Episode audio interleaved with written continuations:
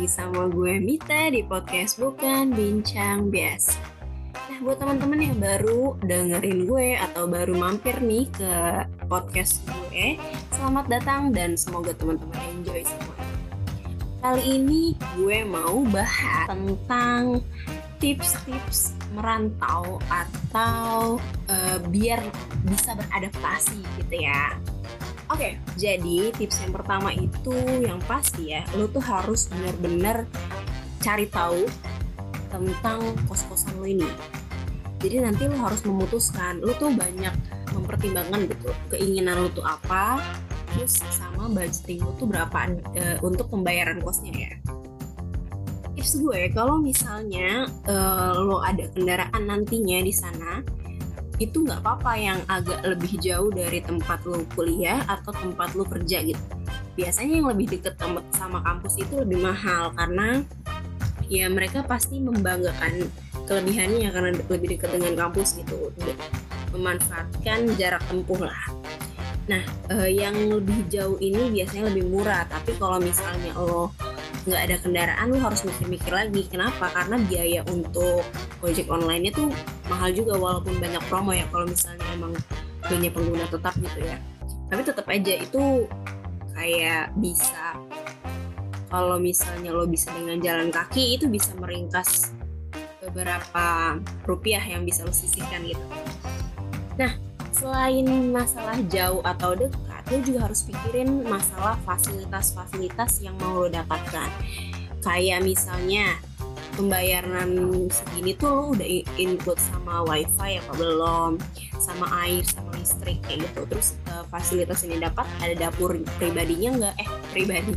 Ada dapur bersamanya nggak? Terus apa lagi ya? Uh, kamar mandinya dalam apa luar? Kalau gue dari pengalaman gue gue tuh anaknya rada kurang ya bukannya jijian sih. Enggak gue nggak jijian tapi lebih kayak gue nggak suka diinterupsi diinterupsi um, gue di kamar mandi tuh cukup lama gitu ya. Jadi nggak bisa di cepet-cepetin kayak gitu. Jadinya tulisan gue di kamar mandi misalnya gue mau pup atau gue misalnya mandinya lama atau gue mau apa gitu ya itu kalau diburu-burin tuh gak enak banget. Itu bisa membuat mood gue tuh jadi nggak enak gitu. Jadi gue memutuskan saat itu yang gue cari adalah kamar mandi dalam walaupun dengan kamar yang gak terlalu luas yang kayak gitu. Yang penting gue kamar mandi dalam. Menurut gue kamar mandi itu personal space ya. Gue tuh lebih milih kamar mandi gue di dalam daripada kos kosannya itu luas. Kalau gue gak tau ya kalau kalian itu uh, preferensi pribadi lo aja. Seenak lo, seenaknya lo aja gimana. Tapi biasanya yang kamar mandi dalam emang lebih mahal ya karena lo pakai kamar mandi sendiri air sendiri gitu gitu kenapa uh, alasan juga kenapa gue lebih suka kamar mandi dalam karena kadang-kadang tuh banyak orang atau tetangga-tetangga kos kita tuh kan nggak nggak sama kayak kita ya. Misalnya uh, kita udah udah menjaga kebersihan nih tapi dia kayak jorok banget orangnya atau dia suka buang sampah-sampahnya dia sembarangan di dalam kamar mandi gitu itu gue enggak sih. Maksud gue kalaupun misalnya gue jorok tapi untuk gue sendiri ya udah gitu. Tapi kalau misalnya gue melihat sampah orang lain di kamar mandi yang akan gue gunakan gue rada rada risih juga gitu. Jadi makanya gue saat itu memutuskan atau uh, decide buat mencari kos yang ada kamar mandi di dalam. Gitu. itu juga gue mempertimbangkan kok masalah harga. Saat itu gue dapet yang lumayan jauh dari kampus. Ya nggak jauh-jauh banget. Cuman lumayan lah kalau lu jalan kaki lu capek gitu. Tapi kamar mandinya dalam dan harganya menurut gue make sense untuk yang kamar mandi dalam. Masih masih terjangkau lah gitu. Terus selain masalah uh, kamar mandi dalam juga tadi kan gue sempet nyinggung ya masalah wifi air sama listrik menurut gue itu tuh kalau bisa udah ke cover sama biaya yang udah dibayarkan di kos gitu. Jadi lo nggak perlu repot buat ngisi token sendiri terus mikirin bayaran air sendiri atau patungan wifi yang beda lagi gitu. Karena kalau misalnya mikirin sendiri gitu ya kita kan ngekos nih. Kalau misalnya harus direpotkan lagi sama masalah mikirin listrik bulannya atau tiba-tiba lo lupa terus listrik lo mati itu menurut gue lumayan repot sih. Jadi kalau gue saranin cari kos yang udah support walaupun ya pasti biayanya juga udah lebih mahal daripada yang belum support listrik sama air sih sama wifi juga. Ya tapi kalau misalnya dihitung-hitung sama aja sih. Kenapa gue bilang sama aja? Karena sekarang kebutuhan kita akan listrik tuh eh, uh, 24 jam kan terus internet juga saat ini kayak apa pun yang kita lakukan gitu kayaknya semuanya juga udah butuh sama internet. Jadi menurut gue wifi itu merupakan poin yang penting gitu. Jadi udah include sama wifi air sama listrik terus dapur. Kalau bisa itu juga kos yang menyediakan setidaknya dapur bersama. Soalnya kenapa? Karena supaya lo lebih hemat. Jadi lo bisa menggunakan itu untuk masak. Setidaknya masak milah atau masak nasi goreng lah yang gampang atau masak telur gitu. Jadi lo bisa menggunakan dapur sendiri enggak yang apa-apa beli apa-apa beli gitu loh. Jadi lo bisa lebih menghemat uh, pengeluaran. Terus uh, oh fasilitas jemur. Ini sebenarnya rada penting nggak penting sih. Tapi lumayan penting kalau misalnya emang lo mau sukses dalam uh, bisa kos bisa manage uh, uang sendiri dan bisa jalan-jalan tetap kalau misalnya nyuci kan harus ada jemurannya ya nggak bisa tiba-tiba kering gitu habis dicuci airnya basah terus tiba-tiba kering. Jadi harus ada yang jemur karena biar pakaian lu juga nggak bau apek gitu setidaknya kena matahari atau kena angin-angin lah di jemur.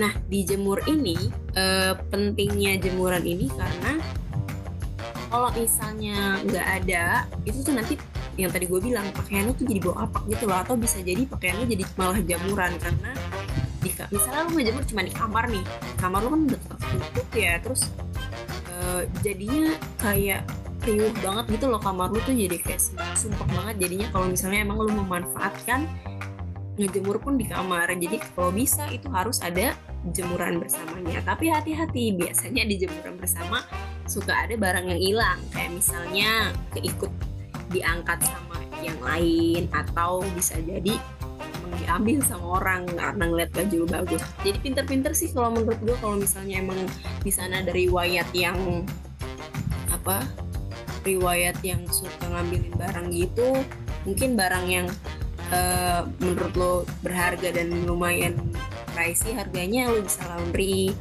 atau ya, ya bisa diakalin lah. Tapi setidaknya at least ada tempat ngejemur misalnya lu mau ngejemur spray kalau misalnya bener-bener di kamar lu nggak bakalan bisa karena itu membutuhkan space yang lumayan gitu. Nah dulu di kos gue pertama tuh gue punya pengalaman. Jadi uh, di kos gue pertama itu sebenarnya dia kayak rumah biasa tapi space-nya itu nggak terlalu gede.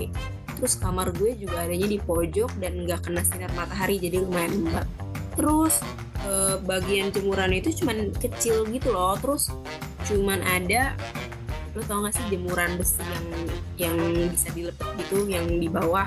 Cuman segitu doang space-nya. Se segede itu doang berapa kali berapa ya? 2 meter kali semeter? Sekitar segitu doang. Nah karena cuman ada di situ dan nggak ada gantungan-gantungan yang apa sih tali tambang tali tambang gitu dan yang ngekos itu ada berapa orang ya? Satu dua tiga enam sepuluhan orang. Bukan sepuluhan orang sepuluh kamar kayaknya. Nah itu tuh kalau mau ngejemur tuh suka penuh gitu. Jadi kadang-kadang gue ngejemur ngejemur ada yang gue jemur tuh di kamar. Kayak gitu. Bukan di kamar sih lebih ke di kamar mandi gitu. Dan itu gitu ada ada baju gue tuh jadi kayak kalau bahasa bahasanya gue tuh tai balangan. Lu kenal gak sih tai balangan yang suka ada di baju yang lembab terus kayak ada titik-titik hitam gitu. Itu kayak gitu tuh ada yang kayak gitu. Baju gue kan lembab nggak kena sinar matahari. Kayak gitu. Nah akhirnya setelah pindah gue dapet kos yang lumayan menurut gue lebih nyaman. Jadi cukup penting juga tuh masalah jemuran. Selain itu lo juga harus survei nih masalah daerah sekitar. Jangan cuman kosnya aja yang lo cari tahu. Apa namanya masalah daerah sekitar juga penting. Apa sih yang lo harus lihat dari daerah sekitar? Yang pertama tempat nyari makan atau tempat beli makan. Kalau bisa tuh yang bervariasi kayak misalnya ada tukang lelenya, ada tukang pecel ayamnya, terus ada pokoknya banyak uh, tempat jualan makanan lah. Karena kan lo mungkin nggak setiap hari bisa masak gitu ya kalau misalnya emang lo lagi pepet lo bisa bisa cari makan ke depan tanpa jauh-jauh ke mana gitu lo bisa jalan kaki ke depan cari makan itu nggak perlu jauh-jauh bisa hemat. Kalaupun lo pakai kendaraan keluarnya juga nggak nggak terlalu jauh karena lebih apa ya lebih menghemat lah hemat bensin. Selain warung makan tuh ada warung yang biasa gitu loh warung-warung biasa warung-warung kelontong ya namanya yang suka jual. Ada apa aja terus cepet gitu.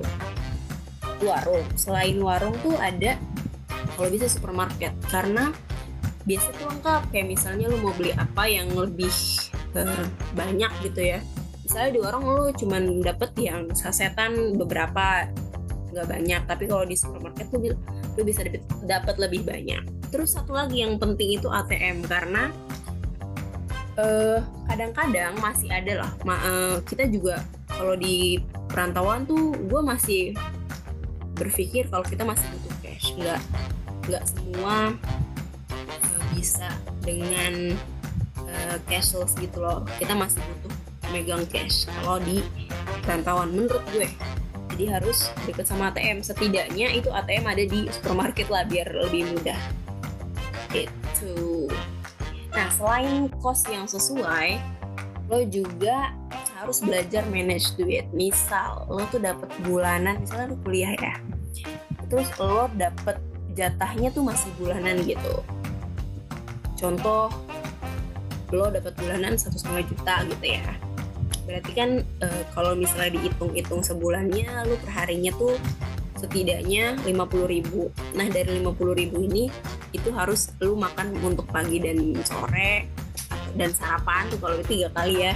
Kalau misalnya emang lu mau hemat ya dua kali aja cukup lah. Jadi misal harga 10 ribu nih satu porsinya. Berarti uh, minimal lu buat makan tuh 20 ribu. Nah 30 ribunya tuh lu bisa pikirin lagi. Yang pasti ya harus ditabung. Karena uh, buat keperluan dadakan kayak misalnya ngeprint atau misalnya tugas apa atau tiba-tiba lu diajak nongkrong atau diajak atau harus ada patungan apa kayak gitu.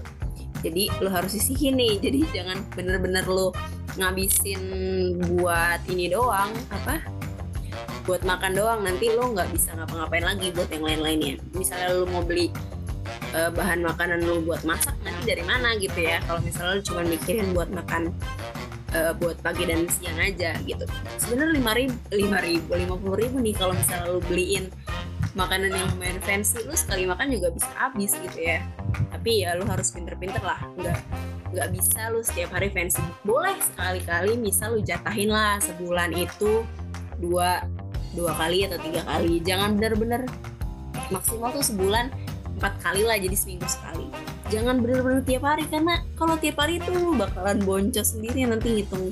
Tiba-tiba lu di akhir bulan lu belum dapet kiriman terus lu nggak tahu mau makan apa terus gimana lu mau mau nyari makan ke mana gitu ya. Apalagi kalau misalnya lu emang sendirian dan nggak ada siapa-siapa di sana.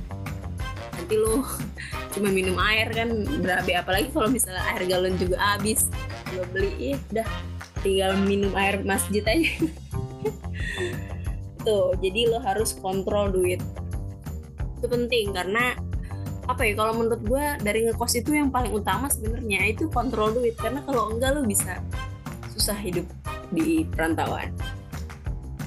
Terus uh, misal uh, lu nggak ada kendaraan nih terus ada event atau ada acara ke mana yang kumpul gitu atau atau nongkrong bareng atau apa. Usahain lu tuh punya tebengan. Jangan setiap kali nebeng sih maksud gue lu juga harus tahu diri gitu ya. Misal emang acaranya tuh uh, cukup urgent dan ada temen lu yang bersedia atau temen lu nawarin atau lu uh, minta tolong. Tapi jangan maksa. Ini tips dari gue ya. E, jangan maksa karena kalau orang apa kalau lo maksa buat ditebengin sama dia orang yang nebengin tuh jadi rada nggak ikhlas gitu loh. Kalau dia nggak ikhlas itu jadi nggak enak banget gitu canggung. Ya gini deh lo kan di sana tuh nggak punya siapa-siapa ya selain temen ibaratnya gitu. Lo sendiri lo cuma punya temen. Kalau misalnya teman baik lo sampai bad mood ke lu gara-gara masalah tebengan itu menurut gue terlalu terlalu sepele untuk uh, dijadikan musuh gitu. Karena bisa aja dengan dia bad mood sama lu gara-gara masalah TB kan besok-besok lo dijauhin. Dan kalau bisa lo tuh harus menghindari itu. Karena uh, prinsip di perantauan atau di kosan itu perbanyak temen hindari musuh gitu. Terus jangan banyak-banyak nyusahin orang. Karena di sana tuh lo pasti bakalan saling bergantung. Tapi jangan bener-bener lo membuat diri lo tuh jadi kayak parasit karena kalau lu kayak gitu tuh nggak ada yang mau temenan sama lu dan lu bakal susah sendiri nantinya. Terus yang tadi gue bilang cari tebengan ini lu juga harus tahu diri. Tahu dirinya tuh apa? Kayak misal dia misalnya bawa motor ya. Setidaknya atau at least lu punya helm. Biar nggak ditilang bro. Karena kalau misalnya ditilang itu repot banget. E, nanti mungkin dia SIM atau STNK-nya ditahan terus harus tilangan atau misalnya bayar e, uang damainya gitu itu kan bakalan malah jadinya effort lebih gede atau keluar biaya lebih gede. Jadi paling tidak lu punya helm lah kalau lu nebeng gitu ya. Terus yang kedua lu tuh harus punya inisiatif. Setidaknya uh, patungan bensin lah sama dia PT-PT kalau misalnya dia nggak lagi nggak mampir ke pom bensin setidaknya lu nanti pas baliknya uh, kasih sesuatu lah nih buat nanti bensin ya gitu. Jadi dia tuh juga seneng kayak nebengin lu walaupun mungkin dia juga nggak berharap mendapatkan imbalan itu tapi siapa sih orang yang nggak seneng kalau misalnya dia tuh dihargai juga um, nebengin lu gitu. Terus sama lagi eh sama lagi sama satu lagi. Kalau misalnya emang ada lu kalau lu ditebengin kalau bisa lu bayarin parkir. Paling dua ribu gitu ya misalnya lu uh, mampir di Indomaret gitu ya. Terus harus bayar parkir nih. Kalau bisa jangan dia yang keluar duit. Lo yang ditebengin yang keluar duit. Karena dia udah modal motor dan modal tenaga buat boncengin lu. Setidaknya lu modal uang parkir. Oke? Okay? terus nyuci atau masak sendiri? Kalau misalnya emang uh, apa tadi kan gue bilang ya salah satu kunci utama suksesnya ngekos atau ngerantau itu masalah duit. Nah dengan lo masak sendiri dan nyuci sendiri itu tuh bisa eh, menekan sangat amat menekan pengeluaran. Kenapa? Karena misalnya lo belanja e, tempe deh satu papan gitu ya, itu tuh misalnya cuma lima ribu apa berapa gitu, masih murah lah. Terus itu lo bisa pakai tuh bisa lebih dari sehari, kayak misalnya lo cuman misalnya makan hari ini lo pakai empat iris, empat iris itu lo, lo makan dua kali pagi sama uh, malam gitu ya. Itu masih sisa banyak bro. Jadi lu bisa pakai gitu. Itu sangat amat berguna. Terus kalau misalnya masak sendiri eh kalau misalnya beli beli di luar gitu ya masalah makan. Misalnya lo mau beli mau makan pakai tempe gitu untuk menghemat. Lu apa nggak malu sama ibu penjualnya? Nanti lama-lama dibilang dan yang gratis aja. Kan nggak gitu ya. Maksudnya kalau misalnya emang lo lagi bener-bener lagi tiris terus mau menghemat ya udah. Kan lo bisa masak uh, nasi sama makan tempe pakai kecap. Itu juga udah udah cukup lah. Yang penting perut tuh kenyang gitu. Dan ada tenaga buat melakukan sesuatu lagi gitu. Terus apa lagi ya oh tadi masalah nyuci itu juga um, apa lumayan. Kalau misalnya uh, nyuci di laundry misal di daerah Jakarta ya. Daerah Jakarta tuh setidaknya setahu gue paling murah itu sekitar 6 ribu 7 ribuan. Dan itu baru sekilo. Bayangin lo kalau misalnya pakaian lo lebih dari itu beberapa kali lipat. Sedangkan kalau lo nyuci sendiri paling lo modal buat beli sabunnya aja gitu. Yang murah berapa sih yang rinso sasetan gitu kan itu tuh murah gitu loh nggak nggak butuh banyak cuman nyuci tuh PR-nya itu ngebilas menurut gue. Kalau masalah nyuci uh, kita tuh udah gede dan nggak main kotor-kotoran becek-becekan blok-blokan gitu ya. Jadi nggak perlu yang effort yang sampai gede banget buat ngucek-ngucek yang sampai banget gimana banget enggak paling ada kalau misalnya lagi ada noda kena apa kena apa baru lo sikat yang lebih uh, butuh tenaga. Tapi kalau misalnya emang uh, cuman keringat gitu itu cuman ngerendam pakai uh, rinso guys. Ini produk semua yang gue sebutin. Ya contohnya itulah pakai sabun cuci aja tuh cukup nggak perlu pakai pewangi lagi. Itu menurut gue cukup sih. Yang emang kalau udah menurut gue yang nyuci itu kalau effortnya di mana ya di bagian bilas. Karena lo harus uh, menghilangkan sabun-sabun itu dengan air ya. Itu yang paling capek menurut gue dari semua tahapan mencuci. Terus apa lagi? Belanja sesuai kebutuhan. Nah ini juga uh, jadi lu jangan suka kalap. Misalnya lu ngelihat apa ya uh, punya punya Shopee terus setiap setiap ngeliat apa yang bagus lu beli lu beli ya kalau misalnya emang lu kayak gitu nanti duit lu habis buat belanja doang gitu. Apalagi kalau misalnya itu bukan yang benar-benar lu butuhin. Itu boleh kayak gitu tapi kalau menurut gue tuh harus ada waktunya dan harus ada budgetingnya sendiri dan nggak boleh over dari budget yang lu siapin buat ibaratnya senang-senang. Gitu. Harus ada yang dikorbanin sih emang. Misalnya lu mau beli uh, mau mau lebih sering nongkrong di bulan ini misalnya. Berarti lo harus ngekat biaya-biaya di uh, mungkin lo belanja online-nya atau biaya-biaya untuk lo beli beli apa? Kayak misalnya kebutuhan nongkrong tadi udah ya. Misalnya lo mau nongkrong banyak tapi lo uh, berarti lo, lo harus ngekat biaya online shopnya. Atau lo harus ngekat tabungan buat jalan-jalannya. Kayak misalnya uh, nge-mall atau nonton bioskop kayak gitu. Harus ada yang dikorbanin. Jadi sebulan itu jangan tiga-tiganya lo ambil. Lo juga jangan juga misalnya lo mau sering nongkrong juga mau belanja online juga tetap jalan terus mau tadi gue bilang satu lagi mau nonton bioskop juga yang enggak. Jadi harus balance lah. Itu lo, lo bisa atur sendiri. Jangan kemakan sama sos sos social life yang ada di daerah di daerah di lingkungan lo gitu. Jangan ngikutin yang uh, hedon mulu kerjaannya. Lo bisa lo bisa tetap hedon tapi lo bisa harus tetap kontrol pengeluaran lo kayak gitu. Terus belanja yang bisa dipakai buat um, berkali-kali. Jangan sekali pakai sekali pakai doang gitu. Jadi kayak sayang-sayang. Kalau misalnya buat berkali-kali kan jadi lo bisa uh, oh buat nanti kebutuhan selanjutnya ini masih ada yang ini kayak gitu. Terus kondisikan juga biar kebutuhan nggak habis dalam satu waktu. Kayak misal gue pernah ngerasain uh, skincare gue itu habis terus eh, apalagi yang habis ya?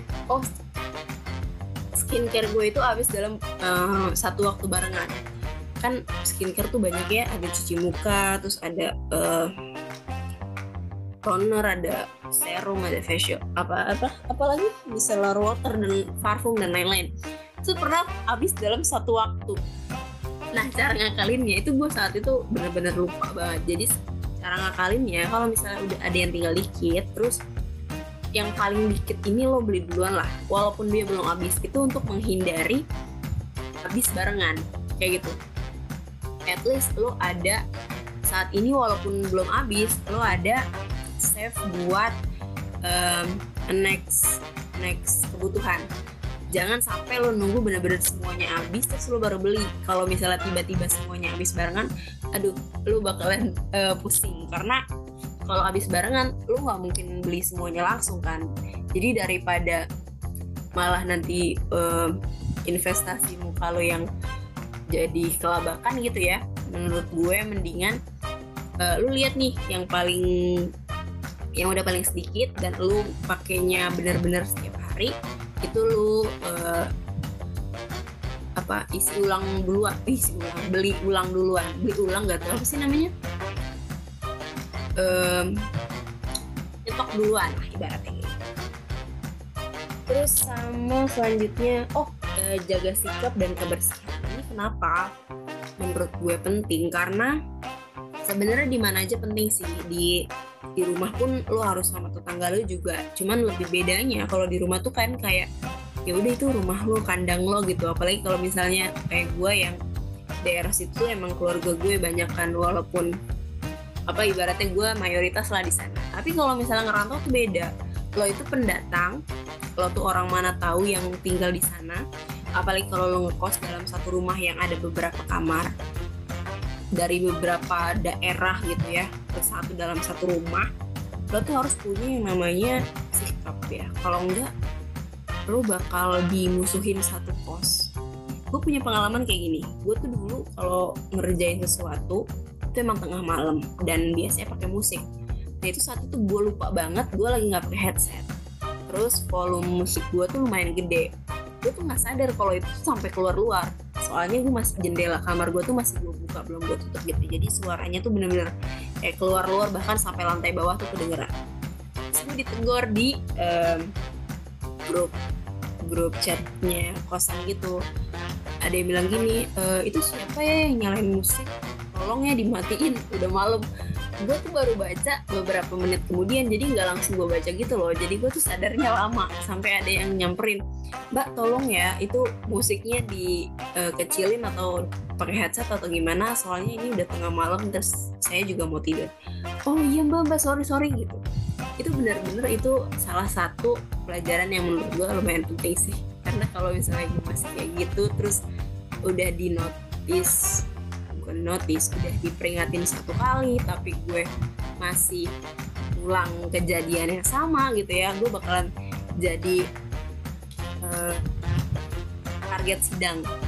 Gue saat itu di kos tuh ada sidang bulanan gitu loh sama bu kos. Jadi ada evaluasi bulanan anak-anak yang kayak misalnya diperingatin buat apa atau misalnya diingetin buat apa gitu. Jadi karena gue menghindari untuk menjadi topik itu setelah diperingati satu kali gue bisa-bisa langsung pakai headset atau uh, setidaknya volumenya kecil terus jadi tahu diri. Karena lo juga nggak mau kan jadi dibenci sama orang gitu nanti malah didoain yang jelek-jelek kan kayak enak juga. Sama kebersihan oh ya kebersihan ini tuh gue tuh ngalamin banget. Jadi ada uh, tetangga kos gue tuh yang lumayan jorok. Dia itu masalah kamar mandi enggak karena kamar mandi gue di dalam ya. Jadi dia itu suka naro namanya sampah ditumpuk gitu. Jadi uh, jadi banyak semut di daerah kos itu. Eh di daerah kos itu di dekat kamar. Nah kamar kita kan bener-bener dempet gitu ya dempet-dempetan. Nah itu tuh kadang-kadang mempengaruhi kamar yang lainnya gitu loh. Jadi kayak kadang ada bau busuk atau gimana soalnya dia jarang nurunin sampah dan uh, kadang-kadang semutnya tuh mampir-mampir ke tempat yang lain. Makanya kalau gue saat itu cukup uh, suka restock uh, masalah kapur aja itu yang buat semut sama semprotan yang buat serangga tuh. Gue suka suka. Gue suka nyetok karena buat jaga-jaga. Gitu. dan masalah kebersihan juga kalau misalnya emang kotor ya itu tuh nggak nyaman banget buat orang lain gitu loh. Kalau misalnya buat diri sendiri sih karena lo sampah lo sendiri ya walaupun kadang juga nggak enak tapi tetap aja gitu. Kalau misalnya emang uh, apa namanya kalau misalnya emang terlalu jorok gitu orang juga ngeliatnya nggak enak. Seperti itu. Karena lo nggak mau dijorokin sama dijorokin. Bukan didorong ya maksudnya uh, uh, diperlakukan. Misalnya lo nggak mau ngeliat orang lain jorok terhadap lo gitu ya. Ya kalau bisa lo juga jangan jorok. Sampai dilihat orang lain bikin ilfil kayak gitu deh. Terus nah kan lo jauh nih. Namanya juga ngerantau ya. Pasti ada yang namanya homesick. Terus gimana cara handle-nya? Cari kesibukan sih kalau gue. Cari kesibukan uh, di kampus, terus organisasi atau cari temen buat sekedar ada temen ngobrol atau temen main atau temen apalah gitu. Terus kalau misalnya emang lagi pada sibuk nih teman-teman lo juga bisa cari kesibukan selain nonton YouTube, nonton film, Netflix gitu atau apa ya. Pokoknya cari kesibukan lah jangan benar-benar cuman mendalami kegalauan lo aja gitu. Jadi move on lah jangan cuman sedih-sedihan aja. Kalau misalnya pun lo emang homesick ya di telepon orang rumah di apa chat di video call gitu. Jadi jangan terlalu di apa ya bangun banget sampai nggak bisa ngapa-ngapain dah nggak jangan kayak gitu. Lo nggak bisa nggak bisa beradaptasi nanti kalau kayak gitu terus. Jadi karena lo jauh lo juga harus beradaptasi sama lingkungan baru jangan lama-lama homesicknya. Bukan bukan bukan gue yang ngelarang buat lo kangen sama orang rumah ya nggak juga. Cuman ada waktunya lah. Nanti juga lo bisa pulang kok. Gitu jadi jangan terlalu uh, kayak seolah-olah lo nggak bakalan bisa ketemu lagi gitu. Kan bisa lewat video call juga atau bisa telepon juga. Gitu guys. Terus apa lagi? Uh, tips gimana bisa tetap liburan walaupun lu sebagai anak kos yang harus ngirit. Ya tadi lu harus matengin di uh, finansial planner lo jadi jangan benar-benar boros. Kalau misalnya emang lu mau berencana liburan cari cari destinasi liburan bareng teman-teman lu yang uh, harganya murah tapi bisa buat ramean bisa buat senang-senang tetap ada vibe uh, senang-senangnya. Nah kalau daerah tuh lebih senang lebih asik lagi. Karena kenapa kalau gue tuh dulu di Malang ya dulu tuh gue liburan ke pantai ke uh, taman wisata uh, ke Jatim Park dulu Jatim Park 2 dan itu tuh menurut gue biayanya tuh nggak gede. Kalau misalnya gue sisihin gitu ya dari sebulanan itu itu sangat amat berguna gitu. Yang pertama waktu itu gue ke pantai. Ke pantai ini biaya masuknya tuh juga nggak gede. Jadi uh, modalnya cuma bensin. Karena gue motoran bareng-bareng teman-teman uh, di sananya heaven heaven banget gitu. Terus yang kedua gue ke Jatim Park yang naik wahana-wahana kayak Dufan gitu. Itu juga emang sih masuknya lumayan pricey kalau nggak salah cepet tapi di dalam lo bisa nikmatin dari pagi sampai sore. Kayak feel drop gitu loh sampai malam terus lo bisa jajan ke alun-alun dan segala macam dan itu kalau misalnya emang lo udah nabung nih udah misalnya lo rencana mau jalan-jalan bulan depan gitu ya ya udah lu udah persiapin nih nabung tiap hari lu sisihin berapa buat jalan-jalan itu. Dan itu kena kalau misalnya lu tiap hari goceng juga ke kejar tuh kalau misalnya bareng temen-temen lu. Yang mending satu sih kalau misalnya emang niat lu mau jalan-jalan mau liburan yang yang refreshing gitu ya ya udah. Tujuannya itu kalau misalnya lu mau jalan-jalannya buat pamer dengan uh, outfit lu dengan harus yang mewah atau yang lu ke sininya harus harus ke tempat yang bener-bener fancy dan segala macam. Ya itu mah namanya lu ngebuang doang bukan pen refreshing. Yang penting kan kalau misalnya dalam perantauan kayak gitu lu tuh refreshingnya bener-bener harus nge-refresh gitu kalau menurut gue. Dan itu penting kalau misalnya bareng teman-teman. Kalau misalnya lu mau sendirian buat refreshing kalau menurut gue rada uh, uh, effortnya lumayan gede dan saran gue kalau misalnya emang lu mau refreshing sendiri refreshing sendirian lu mending ke mall aja. Nonton sendiri itu lebih atau belanja sendiri gitu ya. Itu lebih ke uh, waktu lo buat sendiriannya dapet terus effortnya juga nggak terlalu gede karena cuma datangin ke satu tempat. Dan masalah transportasi juga nggak aneh-aneh-kok kalau misalnya emang mau liburan yang benar-benar kayak lo ngeliat pantai terus lo sendirian tuh kayak menurut gue jangan deh gitu. Kalau ke tempat-tempat wisata kayak gitu emang bener benernya atau lebih baiknya emang bareng teman-teman jadi kalau jarak tempuhnya lumayan jauh dan lo di tengah jalan ada kenapa-napanya tuh ada yang bantu gitu enggak lo pusingan sendiri. Jadi kalau misalnya saran gue kalau misalnya emang lo mau healing sendirian itu better ke tempat-tempat yang emang kayak mall atau bioskop kayak gitu. Jadi kalau misalnya ke tempat yang uh, taman wisata atau kayak wisata alam, mendingan bareng teman-teman biar serunya juga dapat gitu. Terus, oh ya, kalau misalnya lu juga susah banget nih buat, uh, tapi lu pengen kebut susah banget buat ngatur duit, tapi kebutuhan lu tuh membludak banget kalau bisa lu cari sampingan contoh kejar les yang mudah ya.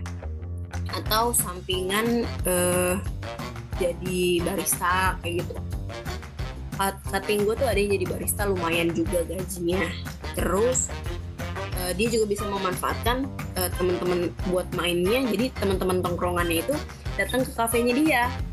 Jadi sekalian kalau misalnya itu dia bisa uh, ketemu sama temennya dan bisa juga kerja. Itu salah satu keuntungannya terus kalau gue saat itu gue ngambilnya uh, privat ngajar les di sana lumayan lah buat nambah-nambah jajan gue setidaknya buat gue liburan atau nonton atau ke mall kayak gitu.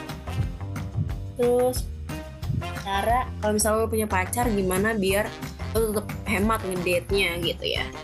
Yang pertama kalau misalnya emang uh, lo bisa bawa tamu ke kos ya di kosan aja di ruang tamu. Jangan di kamar ya.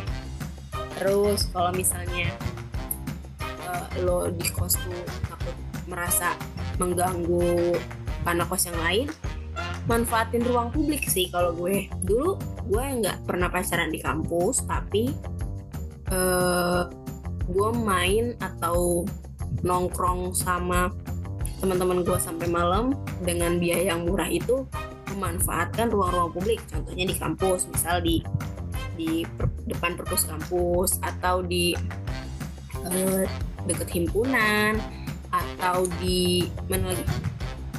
Taman-taman atau di alun-alun. Itu yang tempat-tempat yang uh, mungkin masuknya gratis. Terus di sana lu cuma perlu jajan aja kayak gitu.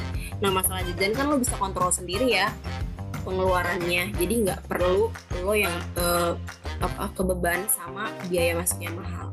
Kalau di ruang-ruang publik yang fasilitas umum tuh untungnya gitu. Jadi lo bisa pacaran ngapain sih? Paling kan lo ngobrol ya lebih banyak gitu ya. Ya di taman juga bisa menurut gue gitu yang tempat yang emang gratis gitu. Walaupun apa sih di masa pacarannya di taman uh, gratisan ya nggak apa-apa. Karena lu juga nggak ada uangnya atau lu emang mau menghemat daripada uh, waktu sama pacarnya nggak ada daripada enggak sama sekali uh, bisa menghabiskan waktu pacaran karena emang alasan lu nggak ada duit gitu ya. Mendingan ya lu memanfaatkan ruang-ruang publik yang disediakan gitu. Emang itu disediakan untuk kita datangi kok. Gitu. udah itu aja tips dari gue. Kurang lebihnya gue mohon maaf kalau misalnya emang ada pertanyaan lagi yang lain misalnya uh, tentang apa pun lah. Lo bisa uh, eh, DM ke gue lewat Instagram di @mitasare atau bisa juga lewat Twitter gue juga boleh di @mitasare juga. Silahkan kontak ke gue. Ditunggu enjoy sama uh, videonya. Semoga bermanfaat buat kalian semua Dadah. See you next time.